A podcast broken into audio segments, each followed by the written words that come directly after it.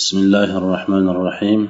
إن الحمد لله نحمده ونستعينه ونعوذ بالله من شرور أنفسنا وسيئات أعمالنا.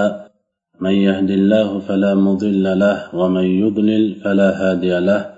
نشهد أن لا إله إلا الله وحده لا شريك له ونشهد أن محمدا عبده ورسوله.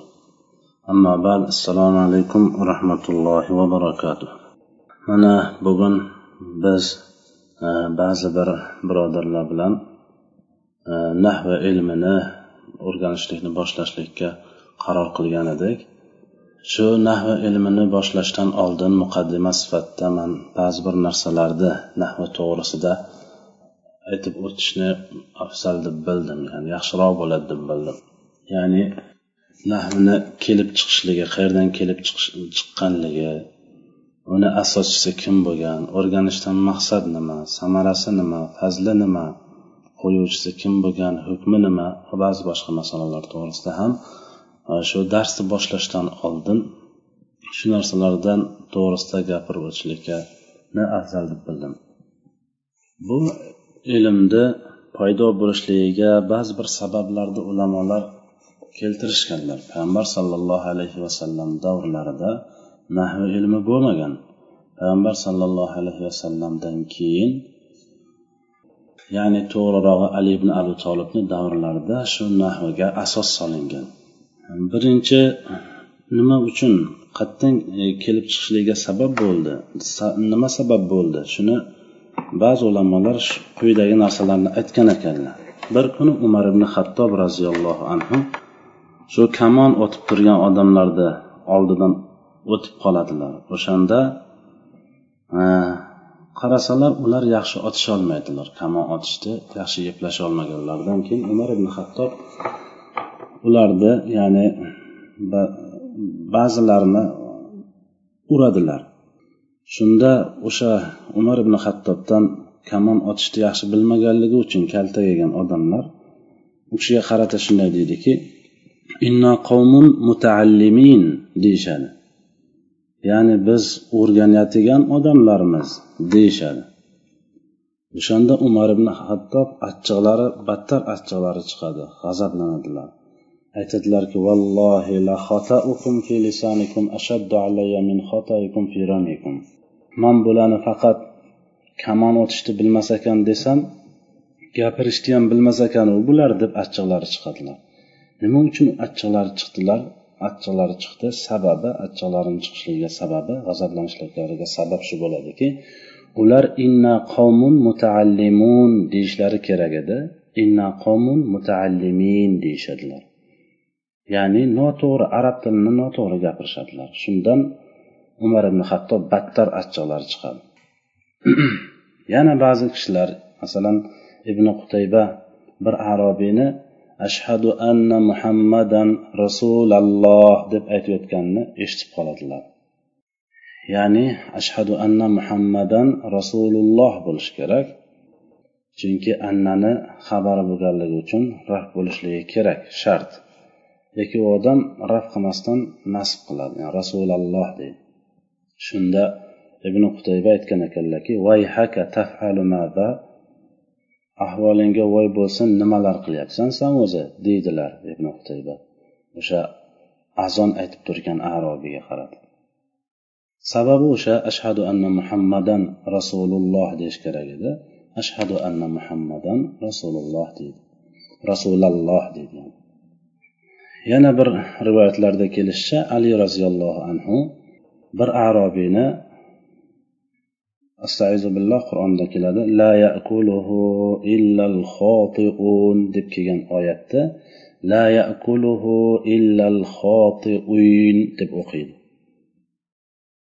Mana shu narsa ham hmm, ya'ni shu nahmini bilmaganligi uchun ba'zi bir xatolarga yo'l qo'yishligiga sabab bo'ladi. Mana shu va shunga o'xshagan yoki ba'zi bir boshqa bir rivoyatlarda ham keladi. Abul asvad ad duali qizlaridan bir kuni eshitib qoladilar. Kechqurun osmon musaffo bo'ladi osmonda bulut bo'lmaydi. Qizlari osmonga qarab turib aytadilarki ma ajmalu samai deydi. Ya'ni bu tarjimasi shunday bo'ladiki osmonda qanaqa osmonni chiroyli qilib turgan narsalar nima?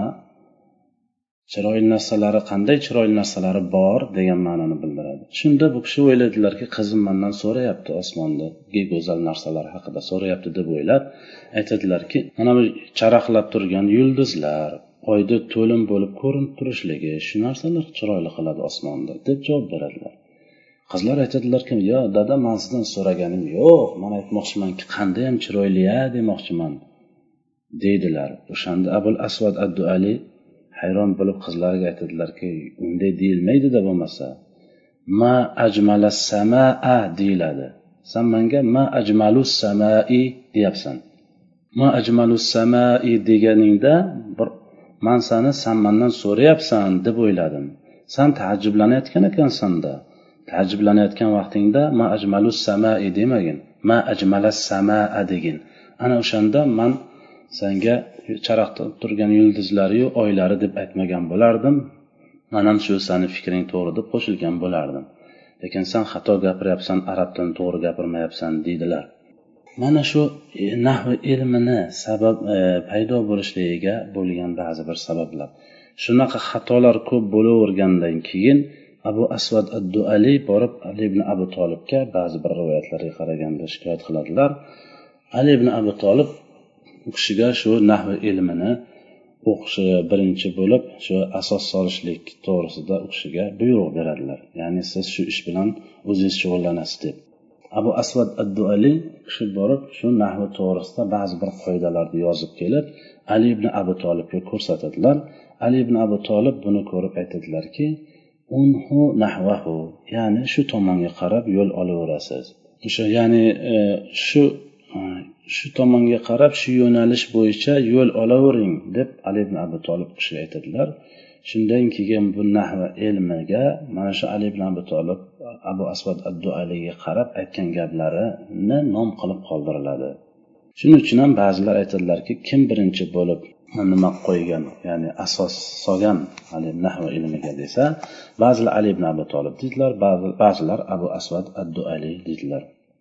Allohu alam ba'zilar shu ikkovini birga qo'shib ya'ni ma'nosi bitta ekanligini ifodalamoqchi bo'lib aytadilarki abu asvad addu aliga buyruq bergan ali ibn abu tolib abu abu asvad addu ali shu bilan shug'ullanganlar demak ali ibn abu tolib shunga asos solgan deydilar ba'zilar yo'q ali ibn abu tolibni o'zlari asos solgan kishilardan bo'ladilar deb aytadilar. Allohu alam.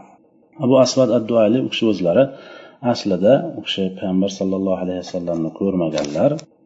Ko'rmaganlar vallohu alam payg'ambar alayhissalomni janozalarida kelib qolganlar vafotlaridan keyin kelib qolgan bo'ladilar ya'ni al muhim payg'ambar alayhissalomni ko'rmaganlar demak u kishi sahobiy emas taban u kishi tobiy hisoblanadilar. Endi nahva ilmining tarifi to'g'risida gapiriladigan bo'lsa buni asli nahva degan so'zini har xil ma'nosini keltiradilar. Masalan jiha ya'ni taraf degan ma'no qasd. Ya'ni bir narsani qasd qilishlik ma'nosi bor o'xshash degan ma'nosi bor miqdor degan ma'nosi bor. Yoki bo'lmasa tur xil degan nav degan ma'nolar bor asl degan ma'nolar bor. Yoki bo'lmasa bo'lak degan ma'nolari bor. Yoki badisi degan ma'nolarni ham bildiradi nahvini lug'aviy ma'nosi ya'ni. Tarifiga keladigan bo'lsak tarifi nima deyiladigan bo'lsa tarifi shuki nahva ilmining tarifi to'g'risida buni ulamolar aytadilarki bu e, kalimaning kalimalarning oxirlarini erob yoki mabni mu'rab yoki mabni ekanligi jihatidan kalimani bilishlik deydilar. Ba'zilar boshqacharoq ta'lim beradilar. Ya'ni ta'rif beradilar aytadilarki jumlalarni dars beradigan ilm bu deb qissa qilib ma'no beradilar. Endi nahva ilmining fazilati to'g'risida keladigan bo'lsak bu to'g'risida ham ulamolar ba'zi bir fikrlarni keltirib o'tadilar. Fazilati nima? Ya'ni boshqa ismlarga e, boshqa ilmlarga nisbatan qanaqa fazilatga ega deyilsa shu shunda ba'zi bir ulamolar xususan masalan ashabiy degan olim kishi u kishi aytadilarki annahu kalmilhi littaom deydilar. Ya'ni nahvi xuddi taomni tuziga o'xshaydi deydilar. Kim nahvini bilsa demak u e, taomni ya'ni e, tuzi bor taomi bor ekanligiga ishora qiladilar. Ya'ni o'zimiz bilamiz taomni tuzi bo'lmasa qanday bo'lib qolishligini ba'zilar aytishgan ekanlarki shu nahvining fazilati to'g'risida annahu zaynun lil fata yukrimuhu haysu ata. Man lam ya'rifin nahva haqquhu an yaskuta degan ekanlar. Ya'ni nahvi yigit uchun bir ziynatdir. Qayerga borsa hurmatga sazovor bo'ladi.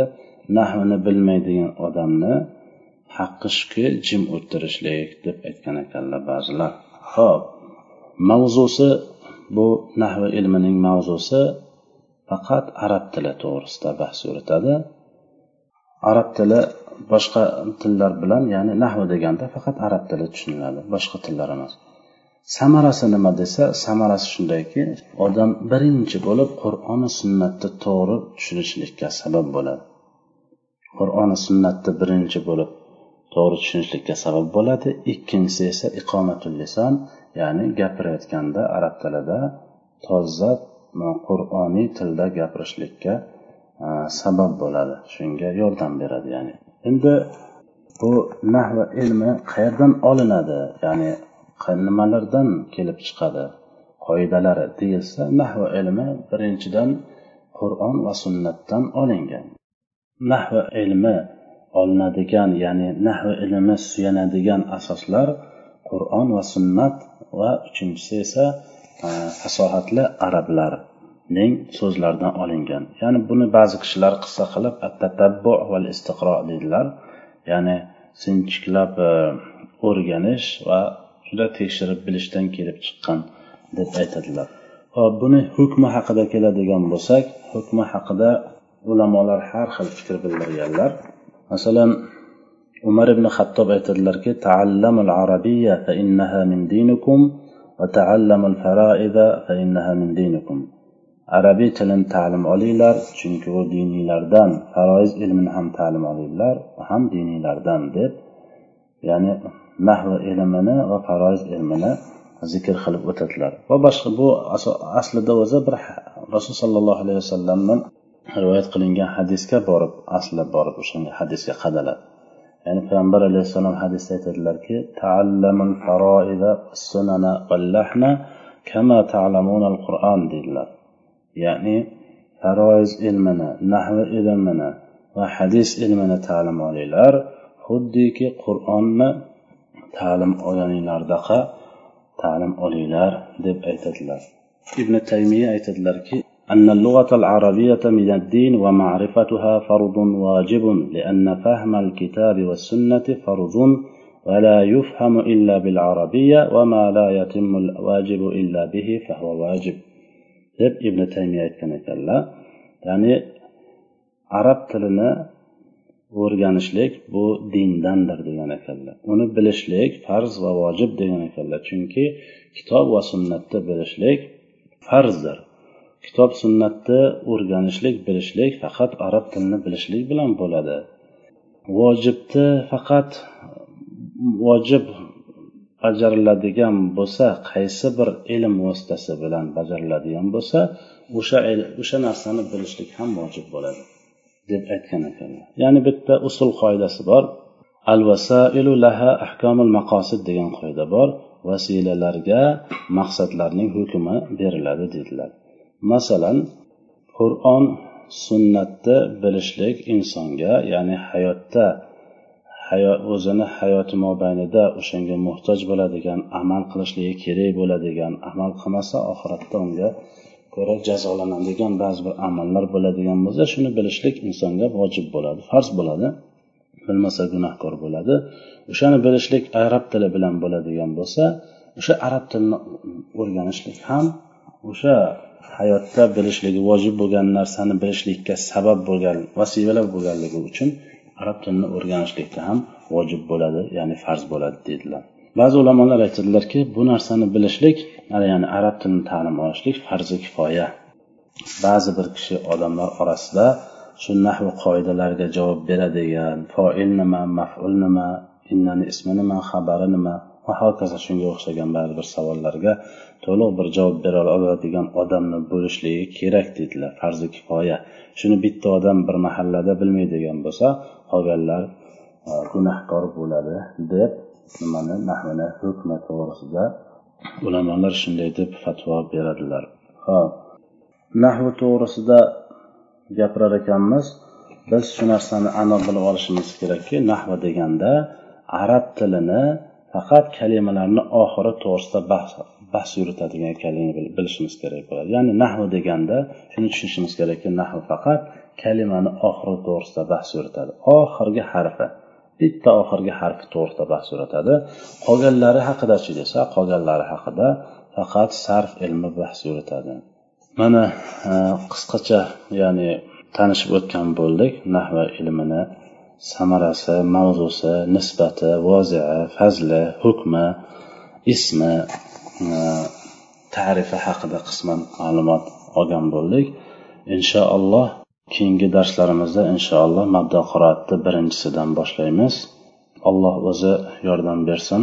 Alloh subhanava taolo qilgan amallarimizni hammasini xolis o'zi uchun bo'lishligini bizlarga nasib qilsin. Xolis o'zi uchun bo'lgan bo'lsin riyodan sumadan xoli bo'lgan bo'lsin. Subhanakallohumma bihamdik. Ashhadu an la ilaha illa anta astag'firuka va atubu ilayk.